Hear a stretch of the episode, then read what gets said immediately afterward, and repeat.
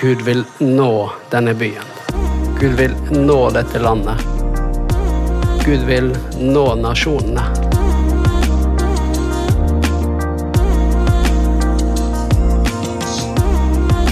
Jeg tror at en ny Jesusbevegelse starter med oss. Det starter med oss når vi ikke klarer oss uten bønnen, Bibelen og fellesskapet. Del av menigheten. Amen. Amen. For en lovsang. Fantastisk. Eh, dere, den, den, den uken her så eh, kjente jeg plutselig at, eh, at jeg og Sharon skulle dra ned på, på sommerstevne på himmel og hav. Jeg har aldri vært på et sommerstevne i hele mitt liv. Så vidt jeg vet, i alle fall. Men jeg kjente det at vi skulle, vi skulle dra ned. Visste ikke helt hvorfor, eh, men vi dro ned. Eh, og det vi fikk være med på, vi var stort sett med på det ungdommen gjorde, det var fantastisk. Og det er et eller annet med det som vi avsluttet konferansen med, med Ankit. Det var en sånn type frihet. Også i lovsangen her i dag så merker du en sånn type frihet. Og når vi kom ned dit, hva var det som ble prekt? Jo, det var frihet. Frihet fra menneskefrykt. Frihet fra sammenligning. Frihet til å leve for, for Jesus. Og Den siste kvelden vi var der, det var på torsdag. Så begynte ungdomsmøtet klokken ni. Klokken ett så var det fortsatt ikke ferdig. Da bare fortsatte ungdommene å synge og synge. Det lå ungdommer på bakken. Jeg er ganske sikker på at jeg så noen demoner bli drevet ut. Det var helt, helt kaos. Jeg og Sharon vi skulle kjøre fire timer den, eh, den kvelden. Klarte ikke å, å dra selv om klokken var ett. Så jeg har en liten en liten video fra det her som du kan vise Kenny.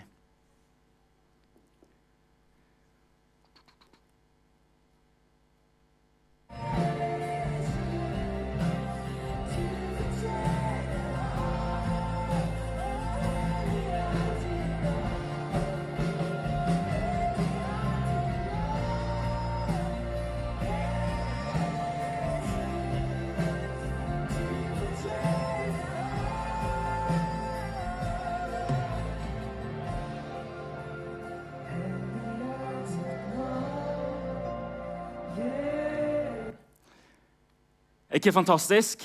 Gud gjør noe i ungdommene sitt liv. Amen. Kan ikke vi gi en klapp til Herren? Og, og det jeg syns er så kult, det er at eh, sant, vi var der, og, og det, det, er våre ungdommer som er først opp med hendene. Det er våre ungdommer som sitter der og er klar når ordet kommer. De er på. Så jeg tror at Gud gjør noe i denne menigheten, i ungdommene våre. Gir de en frihet som vi, som vi trenger. Amen. Amen. Sist søndag så snakket vi om frihet, kampen i sinnet. Vi så og ble bevisste på hvordan fienden forsøker å angripe vårt sinn. Vi vet det at våre liv, kampen om våre liv, den befinner seg her, i vårt sinn, mellom ørene. Det er der fienden kommer med tanker om løgn og hvis vi tar disse løgntankene, så blir de til ideer, som igjen blir til tankemønstre i våre liv. Og vi vet at slik vi tenker, slik handler vi. Derfor må vi være bevisste på å ta de løgntankene som kommer, og kontre det med Guds ord, hans sannhet, som setter oss fri. Jesus han sier det at eh, høsten er stor, men arbeiderne er få. Be derfor om at høstens herre skal sende ut arbeidere for å høste inn grøten hans. Og Det er bakgrunnen for denne talen her. Det er et ønske om en frihet. Et ønske om å leve det livet Gud har for meg og deg. Jeg har det ønsket i mitt eget liv, og jeg vet at Kredoskirken er fylt med mennesker som ønsker å leve for Herren, som ønsker å leve det levende livet med Gud. Et liv i kraft, et liv i frimodighet og et liv hvor man vet at man gjør det Gud har for oss. Amen. Det er det vi snakker om. Og I dag så skal jeg tale under tittelen 'Frihet i verden, men ikke av verden'. Frihet i verden, men ikke av verden. Jesus sier det her i Johannes 17, vers 13-18. Men nå kommer jeg til deg, og dette taler jeg i verden, for at de skal ha min glede fullkommen i seg. Jeg har gitt dem ditt ord, og verden har hatet dem fordi de ikke er av verden, slik jeg ikke er av verden. Jeg ber ikke om at du skal ta dem ut av verden, jeg ber ikke om at du skal ta dem ut av verden, men at du skal bevare dem fra det onde. De er ikke av verden, slik jeg ikke er av verden. Hellige dem i din sannhet. Ditt ord er sannhet. Slik du har utsendt meg til verden, har også jeg utsendt dem til verden. La oss be. Kjære far, vi takker deg for din frihet. Jeg takker deg for at i ditt navn, Jesus, så er det frihet. I ditt navn så blir lenkene brutt. I ditt navn så blir fangene satt fri. I ditt navn så er vi satt fri fra dødens makt, og vi har fått evig liv. Jeg takker deg for det. Jeg ber nå at når jeg taler, jeg ber om at du skal tale gjennom meg, sånn som jeg tror du har talt til meg. Jeg ber om åpne hjerter, at vi tar til oss det du har for oss i dag. At mine ord, som, de ordene som går ut i dag, at de ikke bare blir informasjon, men at de blir til transformasjon. Jeg takker deg for det. Jeg takker deg for det. I Jesu navn. I Jesu navn. Amen. Hvis du er med oss på streamen her nå, så er du hjertelig velkommen. Jeg ber om at du bare virkelig tuner inn, følger med, for jeg tror at Gud har et ord for deg der hjemme også. Min opplevelse er det at mange troende i dag Vi hører Guds ord, og så forsøker vi å gjøre Guds ord. Men jeg tror at det er et aspekt som vi noen ganger har glemt, og det er det at vi også skal handle som Jesus. Så vi hører det Jesus sier, og det hjelper oss selvfølgelig til å handle. Men det er også noe med det å være med Jesus, observere Jesus, sånn at vi kan lære oss å handle og leve livet sånn som han. I misjonsbefalingen så sier Jesus det at gå ut og gjør disipler. Så på samme måte som at vi er disipler, så skal vi altså gå ut i denne verden og gjøre disipler. Hva er en disippel? En disippel det er en lærling. En som, en som har en mester, en lærer. En som følger etter. Så vi er altså kalt til å følge etter Jesus. Du kan forestille deg det disiplene som, som tilbrakte tid sammen med Jesus.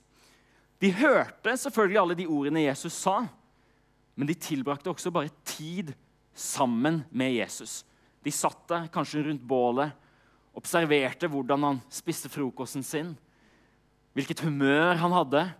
Observerte kanskje at han, når de sto opp, så var han ikke der, for han var ute og, og ba og var med sin far i himmelen. De bare var med ham.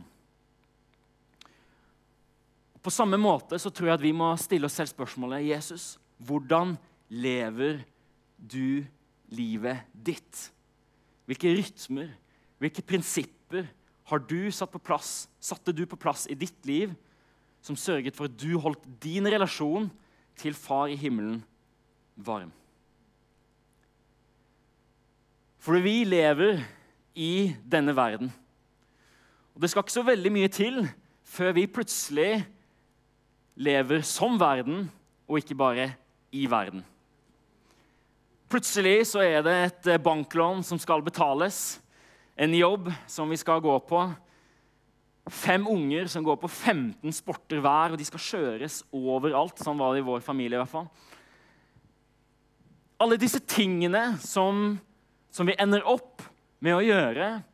Og plutselig så er det lett for at, at selv om vi tar imot ordet, så slutter vi sakte, men sikkert å leve på den måten Jesus viser oss at vi kan leve.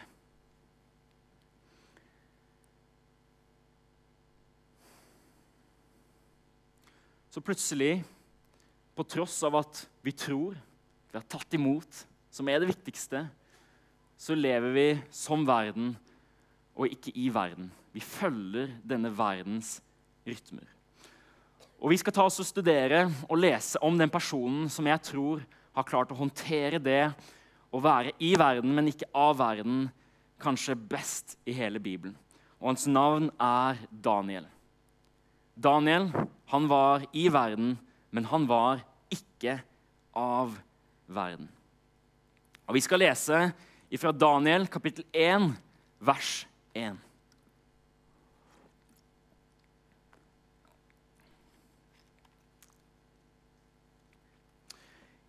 I Judas konge Joakims tredje regjeringsord dro Nebukanesar, kongen i Babel, til Jerusalem og beleiret byen. Herren overgav Judas konge Joakim i hans hånd, likeså en del av karene Guds, av karene i Guds hus. Nebukanesar brakte karene til Sineas land, til sin Guds hus, og han satte dem i sin Guds, Guds skattekammer. Kongen sa til Aspenas, sin øverste hoffmann, at han skulle ta med seg noen av Israels barn, både av kongeætten og av de ansette familiene.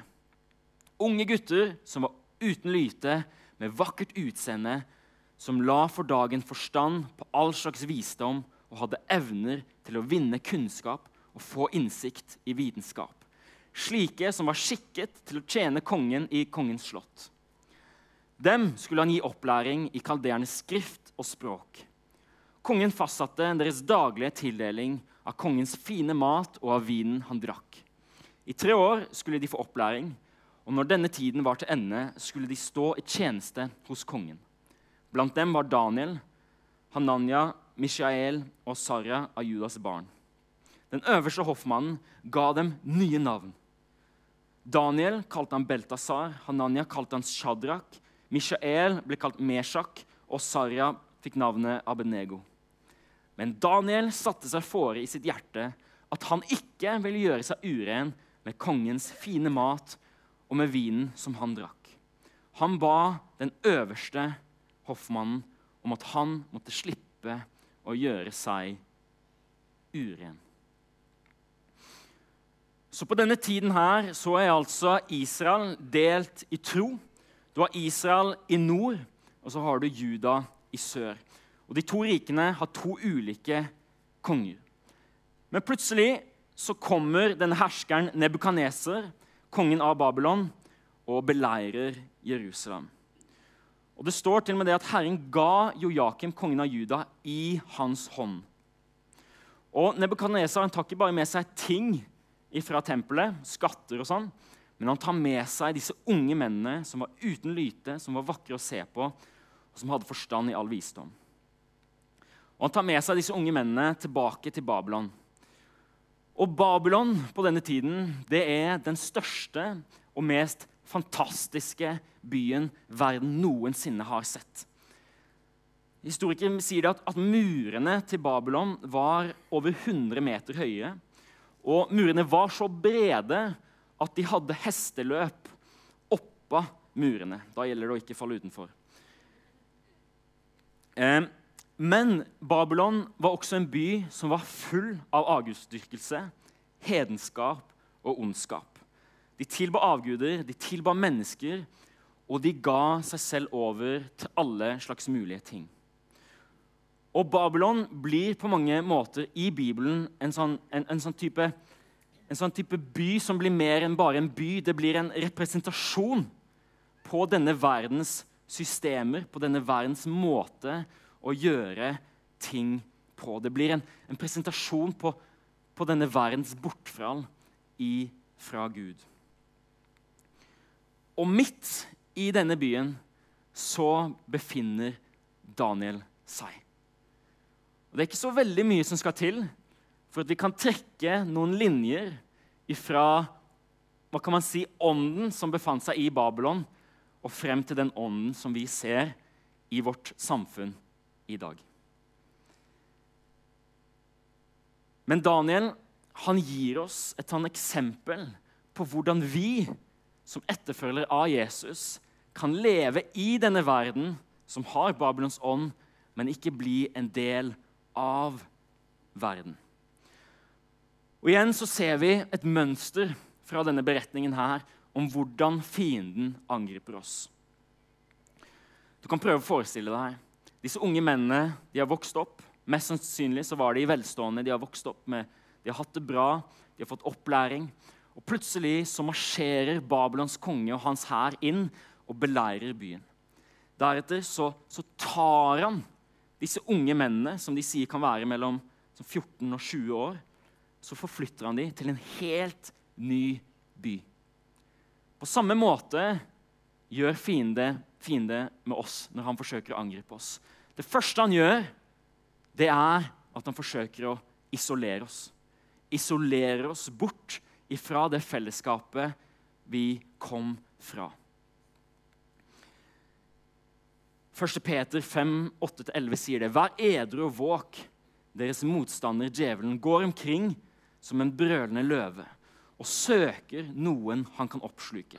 Stå ham imot, fast i troen.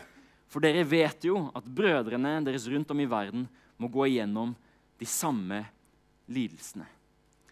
Peter sier altså det at, at, at fienden går rundt som en brølende løve.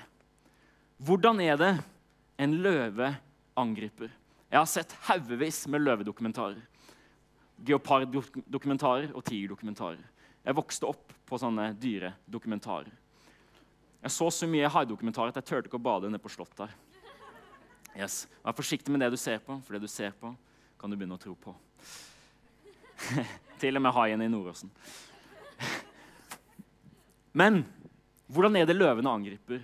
Jo, løvene de ser på flokken. Og det første de gjør, de ser etter det svakeste byttet. De ser etter et dyr som er såret, kanskje et dyr som er halvt, eller en, et dyr som nettopp har blitt født.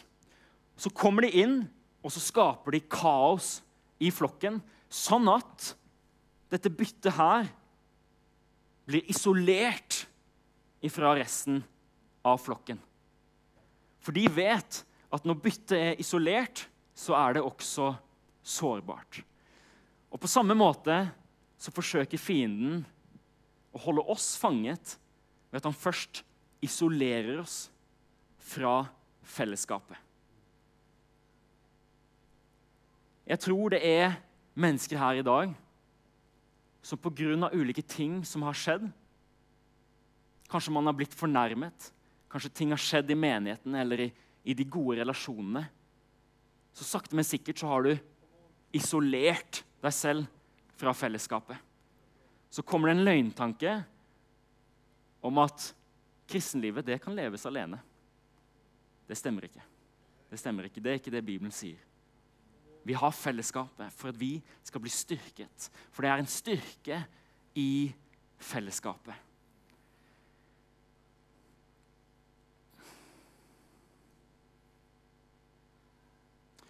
Det som er spesielt med denne historien, her, det er det at Daniel og hans venner de måtte lide for syndene som generasjonen før hadde gjort.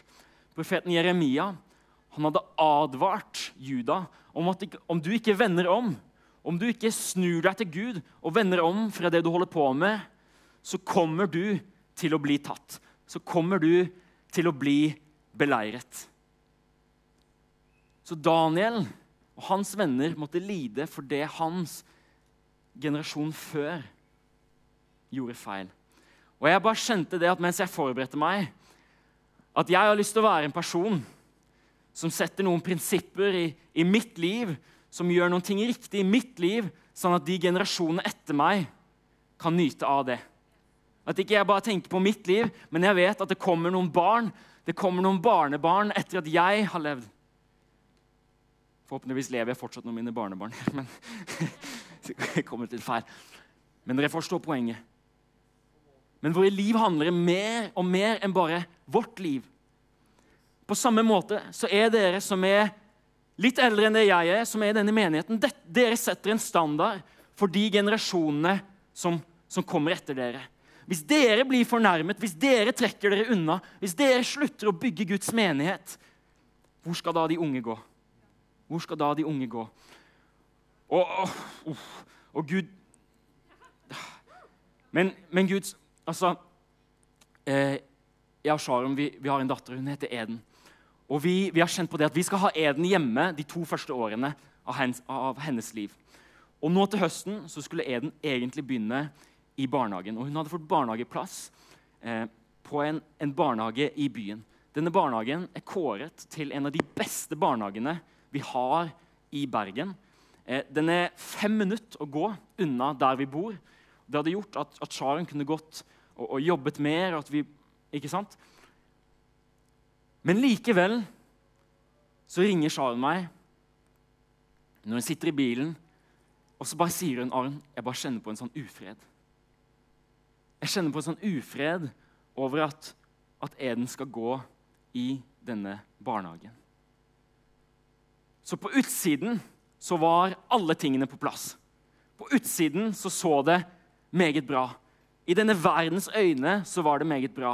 Men hvem vet at vi kjemper ikke bare mot kjøtt og blod, men mot maktene og myndighetene.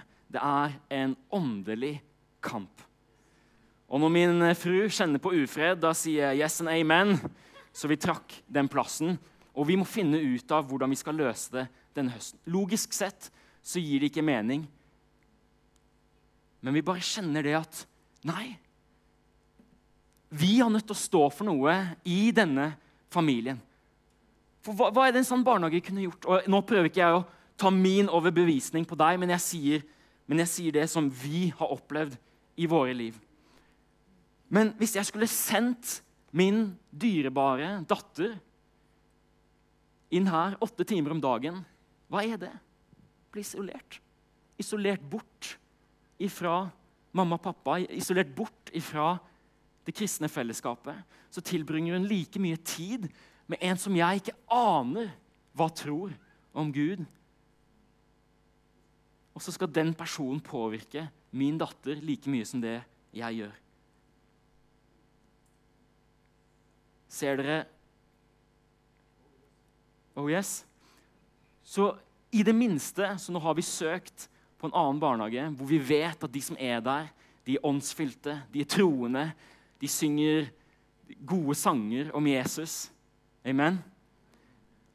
Men jeg tror det at det er også mennesker her i dag som ser hjemme foreldre. Du er nødt til å stå opp. Du er nødt til å sette noen prinsipper for din familie. Du er nødt til å bestemme at vår familie, min familie Noen fedre som må sette noen, noen, noen grenser for din familie, sånn at dine barn ikke må lide sånn som Daniel og hans venner måtte gjøre for generasjonen før sine feil. Det andre fienden forsøker å gjøre, og dette snakket vi om sist gang, det er at han forsøker å forandre måten vi tenker på. Vi ser hvordan Daniel og vennene hans de måtte lære språket. De skulle lære hvordan de skrev. De skulle lære hvordan de kledde seg. De skulle spise den samme maten. De skulle gjøre alle disse tingene. Hvorfor? Fordi at de skulle bli som dem. De skulle bli babylonere. De skulle bli sånn som de var. De skulle ikke bare bli sånn, de skulle tenke som dem. For hvis du tenker som dem, så handler du også som dem. Så det første fienden gjør, han isolerer oss.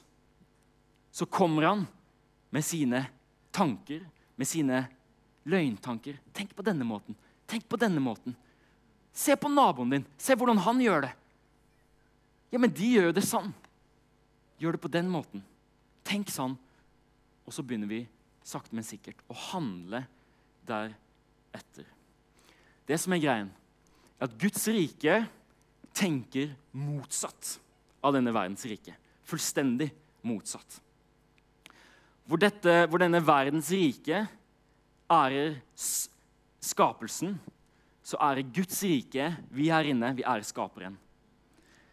hvor denne verden tenker på midlertidig nytelse, så tenker vi på Guds glede som vi får fra ham.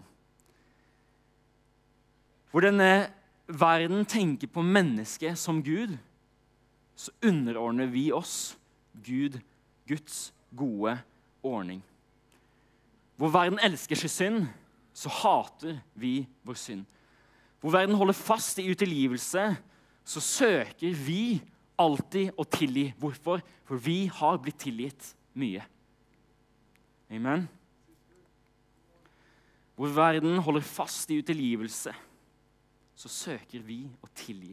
Hvor verden lager sin egen sannhet, så erkjenner vi Guds sannhet og hans gode ordning og sier at om jeg ikke forstår alt, om jeg ikke skjønner alt, så vet jeg at du er Gud, du er skaperen, og det du sier, er sant. Og det skal jeg følge. Amen. Og Vi må forstå det at fienden hele tiden forsøker å gjøre det, det motsatte av det Gud gjør. Hvor Gud kommer med, med tanker om fred, med tanker om glede, så kommer fienden for å stjele, for å ødelegge, for å drepe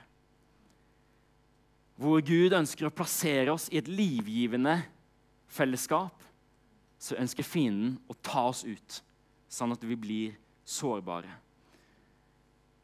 Hvor fienden gir oss tvilstanker om hvem Gud er, så gir Gud oss en ny identitet i Kristus. Så hva er det fienden gjør? Fienden han isolerer oss. Deretter prøver han å gi oss nye tanker. Man kan bruke ordet 'indoktrinerer oss'. En ny måte å tenke på. Og det siste han gjør, er at han forsøker å gi oss en falsk identitet. Det står det. Den øverste av hoffmennene ga dem navn. Han ga Daniel navnet Beltasar, Hananya navnet Shadrach, Mishael navnet Meshach og Asarya ga navnet Abednego. For disse mennene hadde navnet deres, var, hadde Gud i dem, sånn at de alltid skulle huske at Gud var med dem. Daniel betyr det at Gud er min, da, eh, er min dommer. Beltasar kommer fra, fra, fra, fra navnet Beltasar. Og, og Bel er en, en, gud som betyr altså Bel beskytter fyrsten, betyr det navnet. Hananya betyr at Jave er nådig. Mens, mens Shadrach betyr Akus, altså en avguds tjener. Mishael betyr 'hvem er som Gud'. Meshach betyr 'hvem er som Aku'. Altså akkurat det motsatte. En avgud. Asarya betyr 'Jave er min hjelper'. Abenego betyr 'tjener av Nego', en hedensk gud. Så disse mennene blir altså ikke bare isolert, de forsøker altså å gi dem nye tanker, en ny kultur, nye verdier, en ny måte å tenke på, sånn at de skal handle annerledes. Og det siste de gjør, at de forsøker å gi dem en ny identitet. Og Hvordan kan man gi noen en ny identitet? Jo, man gir dem et nytt navn. På samme måte så ser vi også flere eksempler på hvordan Gud gir mennesker som han har forandret sitt liv, han gir de nye navn. Abraham fra, til Abraham fordi han gir dem en ny identitet. Men her så ser vi det at babylonerne og fienden forsøker å gi de nye navn, en ny identitet.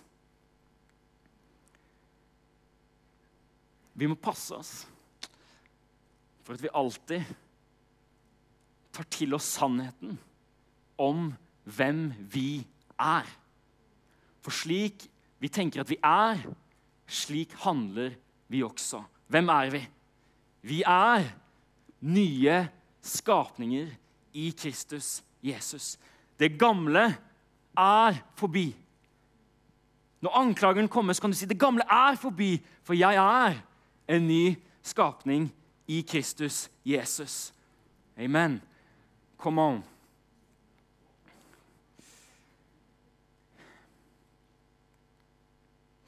Så da er spørsmålet Hvordan håndterer vi dette her. Hvordan håndterer vi det å leve i denne verden men ikke bli en del av denne verden. For her fins det to grøfter. ok? På den ene siden, og her er det mange tidligere kristne som har gått, så isolerer vi oss fullstendig fra denne verden. Det hadde vært herlig. Vi stenger dørene her. Her borte. Ingen kommer ut herfra nå. Og så kjører vi. Melissa synger lovsang 24-7 her. Vi bare, vi bare lever i det. Halleluja. Og så har vi kafeen, vi får mat, vi dyrker våre egne grønnsaker på taket. Så bare isolerer vi her, så bare lever vi i en sånn katakombe her inne. Og det hadde vært fantastisk. Det, hadde jo, da hadde jo vi bare hele tida fylt vårt sinn med, med, de tingene Gud har for oss. Min mor er sånn, kunne vært litt i den. Av og til, så, av og til sånn, for hun er lidenskapelig, så sier hun så Aron, vi skulle ikke bare fått et sånn, sånn gårdsbruk der ute og dyrka egen mat og bare liksom Hvis du hørte det, mor, så beklager. Men, men jeg skjønner tanken. Jeg skjønner tanken, for det er en god tanke. Men det er ikke det Jesus kaller oss til, er det? Å isolere oss på den måten? Nei, nei. Jesus sier, 'Vær et lys i denne verden'. Vær et salt som smaker annerledes enn denne verden. Gå ut, gå ut, gå ut og gjør disipler idet dere døper dem. Kast ut demoner, helbred de syke og proklamer mitt rike. Det er vanskelig å proklamere Hans rike dersom vi hadde bodd her inne. Vi hadde hatt det fint, men vi hadde ikke fått utbredt hans rike på denne jord. For det er det som trengs. Men den andre grøften, og den ser vi dessverre mange kirkesamfunn som har gått i dag, det er at de gjør alt for å bli det som vi kan kalle, kan kalle relevant. De begynner å forandre på det Gud egentlig har sagt. Men, men, verden sier jo dette her, og så forstår jeg at det kan være noen vanskelige spørsmål. At? Men, men, så ser vi det Gud sier her, og så begynner vi å bare vri litt på det Gud egentlig har sagt. Har Gud egentlig sagt det? Kan det egentlig være på den måten? Det er jo ikke det vi observerer. Og så gjør vi det vi kan for å bli relevant i et håp om at vi kan nå nye mennesker. Men det er ikke det Bibelen heller kaller oss til. For det hva er vel saltet hvis saltet mister sin kraft? Hva er vel våre liv hvis livene våre mister det saltet de egentlig skal ha. Vi skal være annerledes. Vi skal tenke annerledes i denne verden, men vi skal være i denne verden. Så hva er det Daniel gjør? Jo, Daniel han godtar faktisk mange av de tingene som babylonerne sier at han skal gjøre. Han godtar sitt nye navn. Han tjener kongen trofast. Han ber til og med til denne hedenske kongen. Han ber for ham. Han velsigner ham. Han, han tjener ham trofast. Og Daniel han er så trofast, og han har Gud med seg, så Daniel blir jo en av de øverste lederne i dette landet. Så i stedet for å gå fullstendig i opprør mot Babylon og poste sinte post på Facebook om alt som er galt, så, så får han faktisk være med og, og påvirke Babylon. Men Men Daniel har en grense. Han har noen prinsipper i sitt liv. Og det her er det jeg vil kommunisere til deg i dag. Hva er dine prinsipper? Hvilke, hvilke verdier er det du har i ditt liv som er ufravikelige? Har du satt noen sånne ting som at ja, det går fint, men idet du treffer det, så nei. Dit går jeg ikke. Se hva Daniel, se hva som står i vers 8. Men Daniel satte seg fore i sitt hjerte at han ikke ville gjøre seg uren med kongens fine mat og med vinen som han drakk. Han ba den øverste hoffmannen om at han måtte slippe å gjøre seg uren. Så Daniel han godtar altså disse tingene. Han tjener kongen, men han er ikke villig til å spise det kjøttet og gjøre seg uren og spise det kjøttet som da har blitt ofret til avguder. Der går det. Der går grensen. Men Daniel han har Gud på sin side, han har visdom. Så han går ikke og, og bare liksom går rett imot. Nei, han sier bare, bare test det. Test det. La meg spise annen mat. La oss spise en annen type mat. La oss tenke slik som Gud vil at vi skal tenke. Bare gi oss noen dager, så skal vi se resultatene. Og resultatet var selvfølgelig at de var sterkere, sunnere, visere og alle disse tingene. Amen? Fordi når vi følger Guds vei, så får vi andre resultater enn når vi følger denne verdens vei.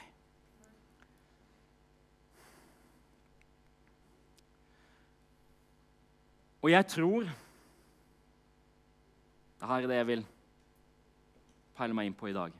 Jeg tror det at selv om vi ikke er blitt tatt med makt til et annet land, så er vi egentlig ikke så langt unna å leve i det Daniel levde i her. For noen år siden, kanskje 10-11-12 år siden, jeg er litt usikker, så var det en mann med, eh, med navn Philip Rygg, sønnen til herr Rygg, Øyvind Rygg. Noen av dere vet hvem han er. Han talte en tale her på Credo Ung, den gang Awake. Og den talen har vært med meg resten av mitt liv. Jeg har hørt uendelig med taler. Jeg gikk tre år på bibelskole, og jeg var på ni møter i uka i tre år.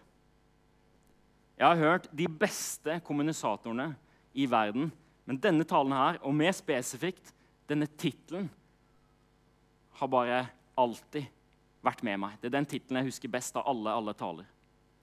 Tittelen var dette her. Villa Volvo Voffs.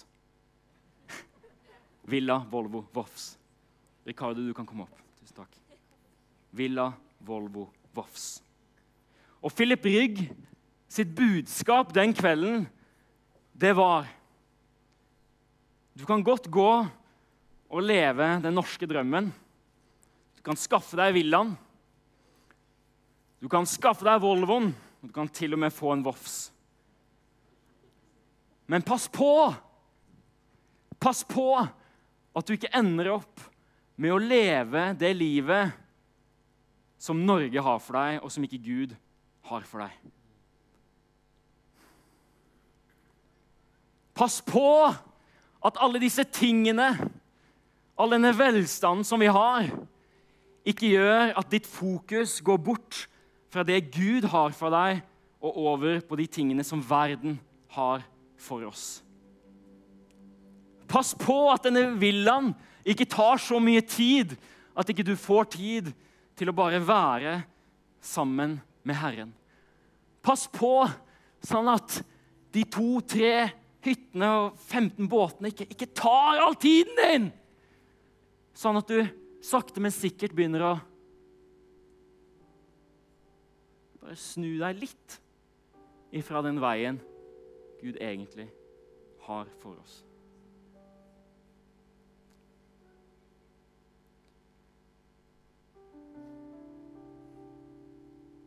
En pastor på bibelskolen jeg gikk med, han sa det. At en måte å vite hva ditt kall er, det er bare å finne ut hva du hater mest i verden. Hva hater du? Hva hater du? Å hate det onde er ikke feil. Du skal hate det onde. Og en av de tingene som jeg kjenner at jeg, jeg hater det er mennesker, Guds barn, som egentlig er kalt av Gud til å gjøre hans verk, til å være lys i denne verden, men som på grunn av denne verdens tankemønstre, denne verdens ting, på grunn av alle disse tingene, denne norske måten å leve på, så bare Og så er du en troende, og så er du en frelst. Og du er på vei til himmelen, og det er det viktigste. Det er det viktigste. Men, men lever du det livet som Gud har for deg på denne jorda?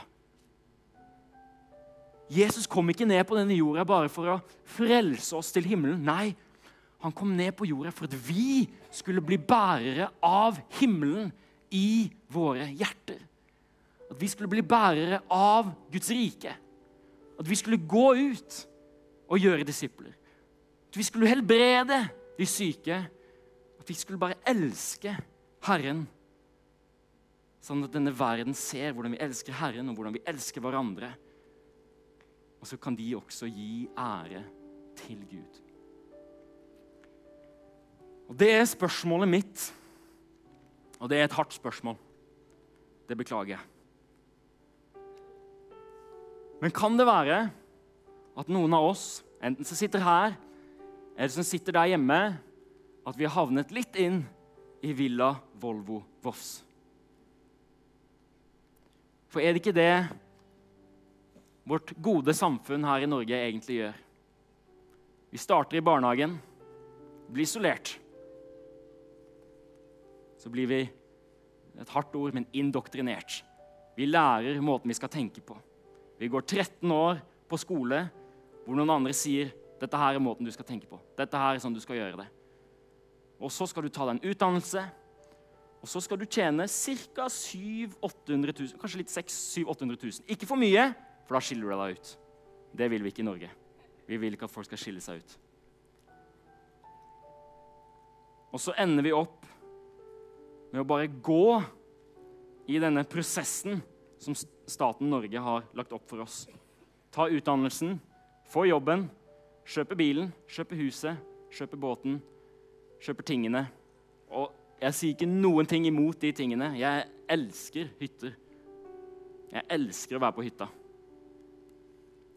Men, eh, men så ender vi opp med bare å leve det livet, tenke de tankene som verden har for oss. Og I stedet for at vi strekker oss til Gud når vi skal bli forsørget, så stoler vi på den utdannelsen vi har tatt. Det er ingenting galt med utdannelse, ingenting galt med den jobben vi får, men det er Gud som forsørger. Ikke jobben. Ikke jobben. Men det er så lett for. Det er så lett for. Og helt ærlig så er dette her kanskje den største frykten i mitt liv. Det er en dag at jeg skal komme til meg selv, bli, bli litt i årene, og så bare plutselig skjønne hva er det jeg egentlig har gjort. Hva har jeg gjort med det livet som egentlig Gud hadde for meg? Hvor ble den ungdommelige lidenskapen jeg hadde når jeg sto i Krederkirken og var 26 år og talte Guds ord? Hvor ble den av? Det, men det skal ikke skje. For jeg kommer alltid til å huske det. Villa, Volvo, Voss. It's not happening. It's not happening. Så jeg kommer aldri til å kjøpe bil. Det var tull. Jeg har bil. Jeg har kjøpt bil. Men jeg eier bilen, og den bilen skal aldri få eie meg. Jeg eier leiligheten. Den leiligheten skal aldri få eie meg. Dette er litt eh, fresh, men i går så oppdaget vi at eh, grillen vår var stjålet. Svindlet, rett og slett. Tatt. Gone forever. Men jeg bare kjenner nei, jeg er fri. Til han som tok han. Du kunne fått den grillen! Du skulle bare spurt meg, så kunne vi grillet sammen først, og så skulle du fått den grillen. Den grillen eier ikke meg. Jeg eide den og styrte den. Og nå er den i noen andre sine hender. Og Gud velsigne deg. Amen. Kom an. Vi tenker ikke slik som verden tenker. Verden holder fast på utilgivelse.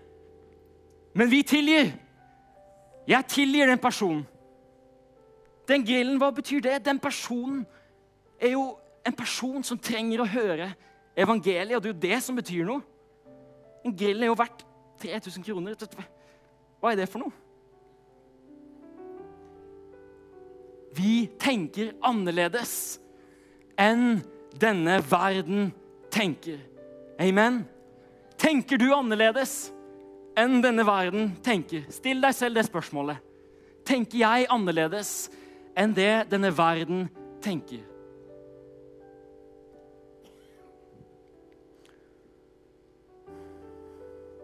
Helt til slutt. Jeg er glad i å komme med en tydelig applikasjon, sånn at vi kan ta med oss noe hjem som vi kan handle på. Daniel han hadde noen ting i sitt liv som var nedfelt. Noen prinsipper, noen rytmer, som han ikke gikk unna uansett. Han holdt alltid fast ved dem. Se på dette her. Daniel 6,11. Da Daniel fikk vite at dette skrivet var blitt undertegnet, altså skrivet som sa at du ikke kunne tilba noen andre guder, gikk han til huset sitt. I salen ovenpå, med vinduene åpne mot Jerusalem, bøyde han seg på sine knær tre ganger om dagen og ba og lovpriste sin Gud. Nøkkelsetning. Slik han hadde gjort hele tiden. Slik Daniel hadde gjort hele tiden. Daniel hadde noen ting i sitt liv som var ufravikelig. Det var en del av den han var. Så på tross av at han blir tatt fra Babylon, nei, unnskyld, fra Juda og inn i Babylon, så holder han fast på dette prinsippet. Slik han hadde gjort hele tiden. Jeg tviler på at Daniel begynte å be til sin far i himmelen idet han kom til Babylon. Jeg tror at Daniel hadde dette prinsippet nedfelt i sitt liv helt fra starten av. Når han var i Juda. Tre ganger om dagen så ber jeg til min far i himmelen. Uansett. Og Daniel, han gjorde det virkelig uansett. For når loven kom, og livet hans var truet, hva gjorde han? Det samme som han alltid hadde gjort. Det samme som han alltid hadde gjort. Åpne vinduet sitt tre ganger om dagen og var med sin far i himmelen. Hva hadde skjedd med våre liv om vi fikk et sånt prinsipp inn i vårt liv? Tre ganger om dagen så er jeg med Gud. Tre ganger om dagen så ber jeg til ham. Hva hadde skjedd? Hva hadde Gud kunne gjøre i vårt liv? Og dette er ikke fordi at det er ikke sånn at En viktig, en viktig distinksjon. Det er ikke slik at, at prinsippet i seg selv eller vanen eller i seg selv fører til denne forvandlingen. Nei, nei, det er sånn at, at det å være sammen med Gud Det å sette av tid til å være sammen med Han, til å være i Ordet, som er som et speil, som er sannheten, det er det som forandrer oss. Tid sammen med vår skaper. Altså ikke disiplin i seg selv, men disiplinen må av og til på plass, sånn at vi ikke blir distrahert, sånn at vi kan være sammen med Faderen og hele tiden sørge for at vårt sinn blir fornyet. Paulus sier det. Forny deres sinn. Ikke bare forny deres sinn én gang. Nei, nei. Forny. Det er en prosess som vi gjør hver eneste dag.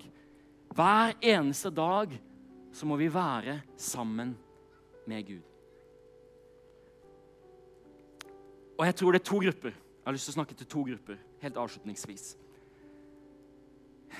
Jeg tror det er noen, jeg har lyst til å utfordre noen, jeg har lyst til å utfordre oss på at noen er nødt til å nedfelle noen prinsipper, sette noen disipliner i sitt liv. Noen ting som er, er helt ufravikelig. Dette her gjør jeg uansett hva. Jeg tilbringer tid sammen med Gud uansett hva. Om huset brenner ned, om bilen har blitt stjålet, om grillen har blitt tatt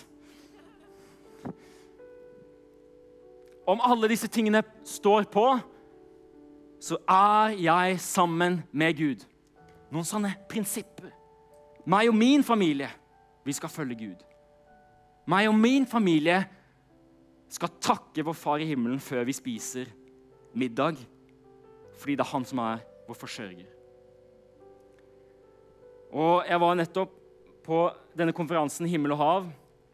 Og jeg og Rikard vi klarte å snike oss med på en slik pastorsamling som var kun for pastorer.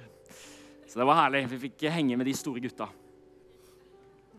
Eh, og Stefan Kristiansen, som mange av dere kjenner, han delte. Og Det var så interessant fordi Stefan Kristiansen delte bare noen av disse prinsippene i sitt liv. Noen av disse tingene som var ufravikelige. Og Han sa det at jeg tror det var helt siden 2004 så har han loggført hvor mye han leser i sin bibel hver eneste dag. Grunnen til at Stefan gjør det, sa han, var at i 2003 så skjedde det så mye i hans liv at sakte, men sikkert så ble denne vanen om å være med Gud den ble brutt ned. Og han brukte mindre og mindre tid sammen med Gud. Men det er i fellesskapet med Gud at vi får styrke til det vi skal gjøre. Så Derfor begynte han i 2004 skrive ned. Han sa ikke akkurat hvor mye han leser, men han skriver ned så mye jeg har lest i dag, så mye jeg har lest i dag, sånn at han alltid vet, og han kan observere, at han ikke begynner å være mindre sammen med sin far i himmelen. Et annet prinsipp som jeg har lyst til å oppmuntre til, og jeg har sagt det flere ganger, det er fordi det er på mitt hjerte, og det er fellesskapet. Ikke gå bort fra fellesskapet. Og Jeg ble minnet på det her, viktigheten av det her nok en gang denne uken her. Nei, siste uke, unnskyld. Eh, jeg studerer på NHH. Full tid, 100% student. Økonomi. Og NHH er en gjeng, der er det en gjeng med masse smarte, flinke mennesker som jobber steinhardt. Og det er gøy å være en del av den skolen, og jeg lærer ting som jeg ikke hadde kunnet lære om jeg ikke gikk der. Men jeg må likevel være forsiktig. At idet jeg tilbringer masse tid på NHH, studerer disse tingene, ser på alle disse regnskapene, lærer hvordan jeg skal analysere, lærer hvordan jeg skal forholde meg til aksjemarkedet, lærer hvordan jeg skal gjøre alle disse tingene, så må jeg likevel være forsiktig med at, at ja, jeg kan lære metoden, jeg kan lære måten de gjør det på, men jeg må fortsette å tenke som det Gud vil at jeg skal tenke. Jeg kan ikke begynne å tenke sånn som en helt ordinær forretningsmann gjør. Jeg må tenke Guds rikes tanker. Og Lars Lindland, som dere vet, er en god mann. Og han er full av Guds ord. Og Lars han er nesten irriterende full av Guds ord av og til. Så jeg og han, han er, han er i permisjon. Og jeg har jo Eden på to år. Vi har kjøpt sånn månedspass på Leos lekeland. Så vi drar dit. Og Lars han kommer til meg. 'Du, Aron! Du, Aron! Hva du lærer på den skolen?' Jeg vet ikke om han snakker sånn. Men hva er det du egentlig lærer på den skolen? Og da vet jeg hva han vil. Det Lars minner meg på, det er Hva er det jeg lærer? Fordi en av de tingene man lærer på NHH, det er jo det at man bruker gjeld for å gjøre at bedriften sin skal gå bedre og raskere. og sånn der. Men så sier Lars ja, men Aron, Guds ord sier at du skal ikke ha gjeld. Om du har gjeld, så er du en slave. Lars! Nei, men nå, nå tuller jeg litt. Men jeg er så takknemlig for en mann som Lars. Du aner ikke. En mann som er full av Guds ord, en mann som jeg kan ha fellesskap med. En mann som jeg vet at setter Guds ord først i sitt liv, uansett hva. Og en mann som stiller meg de irriterende spørsmålene. Hva er det du lærer på den skolen? Aron, pass på! Pass på, Aron, at du ikke begynner å tenke sånn som denne verden tenker. Pass på! Så Lars, om du ser på, tusen takk. Tusen takk. Hva er det du må nedfelle i ditt liv? Hvilke prinsipper er det du må få på plass i ditt liv? Jeg har stor tro på at vi må bestemme når vi er sterk, hvem vi vil være når vi er svak. Det kommer dager hvor vi er svake. Her og nå, her jeg står nå, hvis det hadde kommet en fristelse til meg nå, hadde det aldri blitt på. Kjenner jeg er full av, av liv, av Gud. sant? Vært i bønn. No problem. Get away. Men jeg vet at det kommer dager hvor jeg er svakere. Hvor jeg ikke er på topp. Og det er da jeg er sårbar. Da håper jeg at jeg har noen prinsipper, noen, noen vaner som jeg faller tilbake på. Sånn at uansett hva, så tilbringer jeg tid sammen med Herren. Hvilke prinsipper må du sette for deg og for din familie? En av de tingene jeg skal endre i mitt liv dette halvåret her, det er at jeg har pleid å bruke tid sammen med Gud på vei til skolen og høre på Guds ord. Men det jeg har bestemt meg for nå, at jeg skal tilbringe tid i Guds ord sånn at det er synlig for hele min familie. Jeg skal sitte i sofaen, kopp kaffe, sånn at mine barn kan se at deres far, som leder dette hjemmet, han setter standarden. Han bruker tid sammen med Gud, og det samme kan de. Amen. Siste ting. Nummer to. Noen her må fjerne noen ting fra sitt liv. Noen må fjerne noen ting fra sitt liv. Det er noen ting i ditt liv som faktisk holder deg borte ifra det Gud egentlig har for deg og ditt liv. Et eksempel. Det er noe så enkelt som mobiltelefonen. Hvor mye tid bruker vi på den telefonen? For det er vanskelig å holde sine øyne på Jesus når øynene våre er festet på naboen som er på skiføre i Østerrike for femte gang det året. Ah. Men det er vanskelig. Jesus sier det, at om noe leder deg til fall Om ditt øye leder deg til fall, hva, riv det ut! Det kom ikke fra meg, det kom fra han. Riv det ut. Om din hånd leder deg til fall, kapp den av.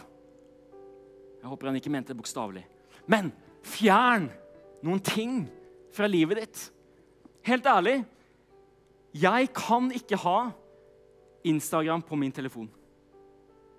Hvis jeg har Instagram på min telefon, så bruker jeg for mye tid på Instagram. Hva gjør jeg? Jeg sletter den appen. Jeg bare tar det valget. Jeg tar det valget for mitt eget liv. Denne appen her skal ikke få meg til å gå i feil retning. Hvorfor ikke fjerne en fristelse i dag som kan føre deg til fall i morgen? Bare få det bort. Jeg ser så mange som er sånn Nei, men vi må lære oss å håndtere dette her. Men, ja, men bare få det bort. Det er det Jesus sier. Kapp det av. Ta det ut. Få det bort. Få det bort fra livet ditt. Igjen telefon, foreldre. Jeg ser barn som går rundt med disse telefonene. Og det virker ikke som om foreldrene holder helt øye med hva de går inn på. Du vet, når du gir en slik telefon til ditt barn, så gir du hele verden adgang. Disse appene som blir brukt, TikTok spesielt, er designet av de smarteste menneskene vi har i denne verden for å gjøre deg og meg og ditt barn avhengig og bruke så mye tid som mulig på den appen. Og bare gi det sånn helt uten videre Jeg vet at jeg er direkte, men grunnen til at jeg sier det, er at jeg er ung selv. Så jeg har vært i, i det. Jeg har sett det. Jeg har snakket med ungdommene. Jeg har snakket med ungdommene som er, er avhengig av porno. Jeg har snakket med ungdommene som ikke klarer å fokusere på skolen fordi de er så vant til å få disse endorfinene bare bom, bom, bom i hodet sitt. Jeg sier ikke her og nå bare røsk den telefonen unna. Nei, bare sier vær forsiktig. Tenk over. Led din familie. Du har ansvar. Vi har ansvar for den neste generasjonen. Hva må du fjerne fra ditt liv? Det er en tøff slutt. Det er en tøff slutt. Så jeg bare håper Jeg vil ikke at noe av det jeg sa nå, skal komme som på en måte fordømmelse, men jeg vil at det skal komme som overbevisning. Det er ikke jeg som skal pålegge, men, men Den hellige ånd skal overbevise deg om de tingene som du må gjøre i ditt liv, sånn at du kan leve og tenke slik Gud vil at du skal tenke. Du kan leve et liv i frihet. Amen. Yes. Jeg er ferdig. Jeg er ferdig. Amen. Gud er god. Gud er god. Gud er god. Som du var med på streamen Gud velsigne deg. Kan vi ta oss og reise oss? Og så vil jeg be for en gruppe mennesker.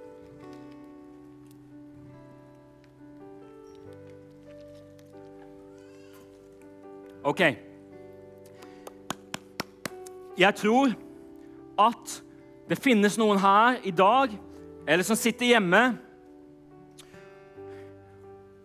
Og du kjenner på det Philip Rygg sa om Villa Volvo Voss. Du kjenner det at en gang så var du ung, akkurat som jeg er nå. Du var lidenskapelig. Du var klar til å forandre verden. Du var klar til å gå ut med evangeliet. Du var klar, du var klar, du var klar. Men så har det skjedd noen ting på veien.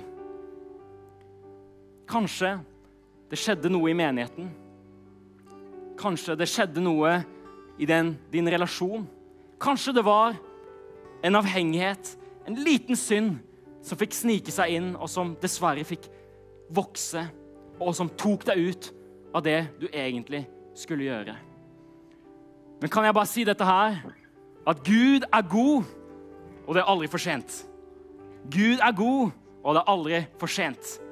Moses han var 40 år når han gikk ut i ørkenen for første gang. Han var 80 år når han dro tilbake for å frelse, for å utfri sitt folk. 80 år! Tenk, da. 40 år i ørkenen, og så nye 40 år i ørkenen. Det er ikke for seint. Det er ikke for seint å begynne å leve det livet som Gud egentlig har for deg. Det er ikke for seint til å bli fri. Det er ikke for seint til å sette noen prinsipper ned i sitt liv. Amen?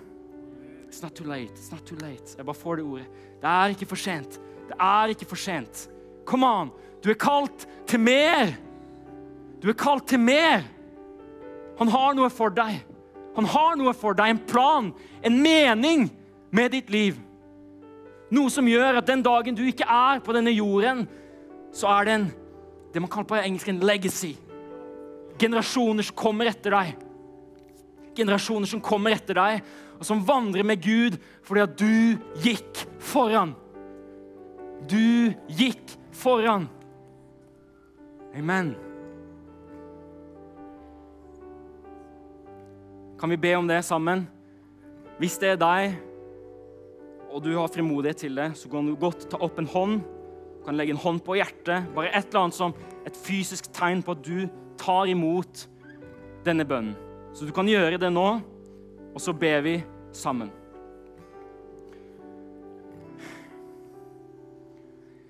Jeg takker deg, Far i himmelen, for disse menneskene som du har skapt, dine barn. Jeg takker deg for at du har en plan og en mening med deres liv. Og du ser disse menneskene nå som kjenner på det at en gang så var jeg lidenskapelig. En gang så ville jeg ut, så ville jeg gjøre ditt gode verk. Men så har det skjedd ting på veien som nå har holdt dem tilbake. Løgner som har kommet inn. Ting som har skjedd. Fornærmelse som har tatt oss bort ifra fellesskapet. Her og nå, i Jesu navn, så bryter vi det over deres liv. Jeg takker deg, for det er ikke for sent. Det er ikke for sent å leve det livet som Gud har for deg.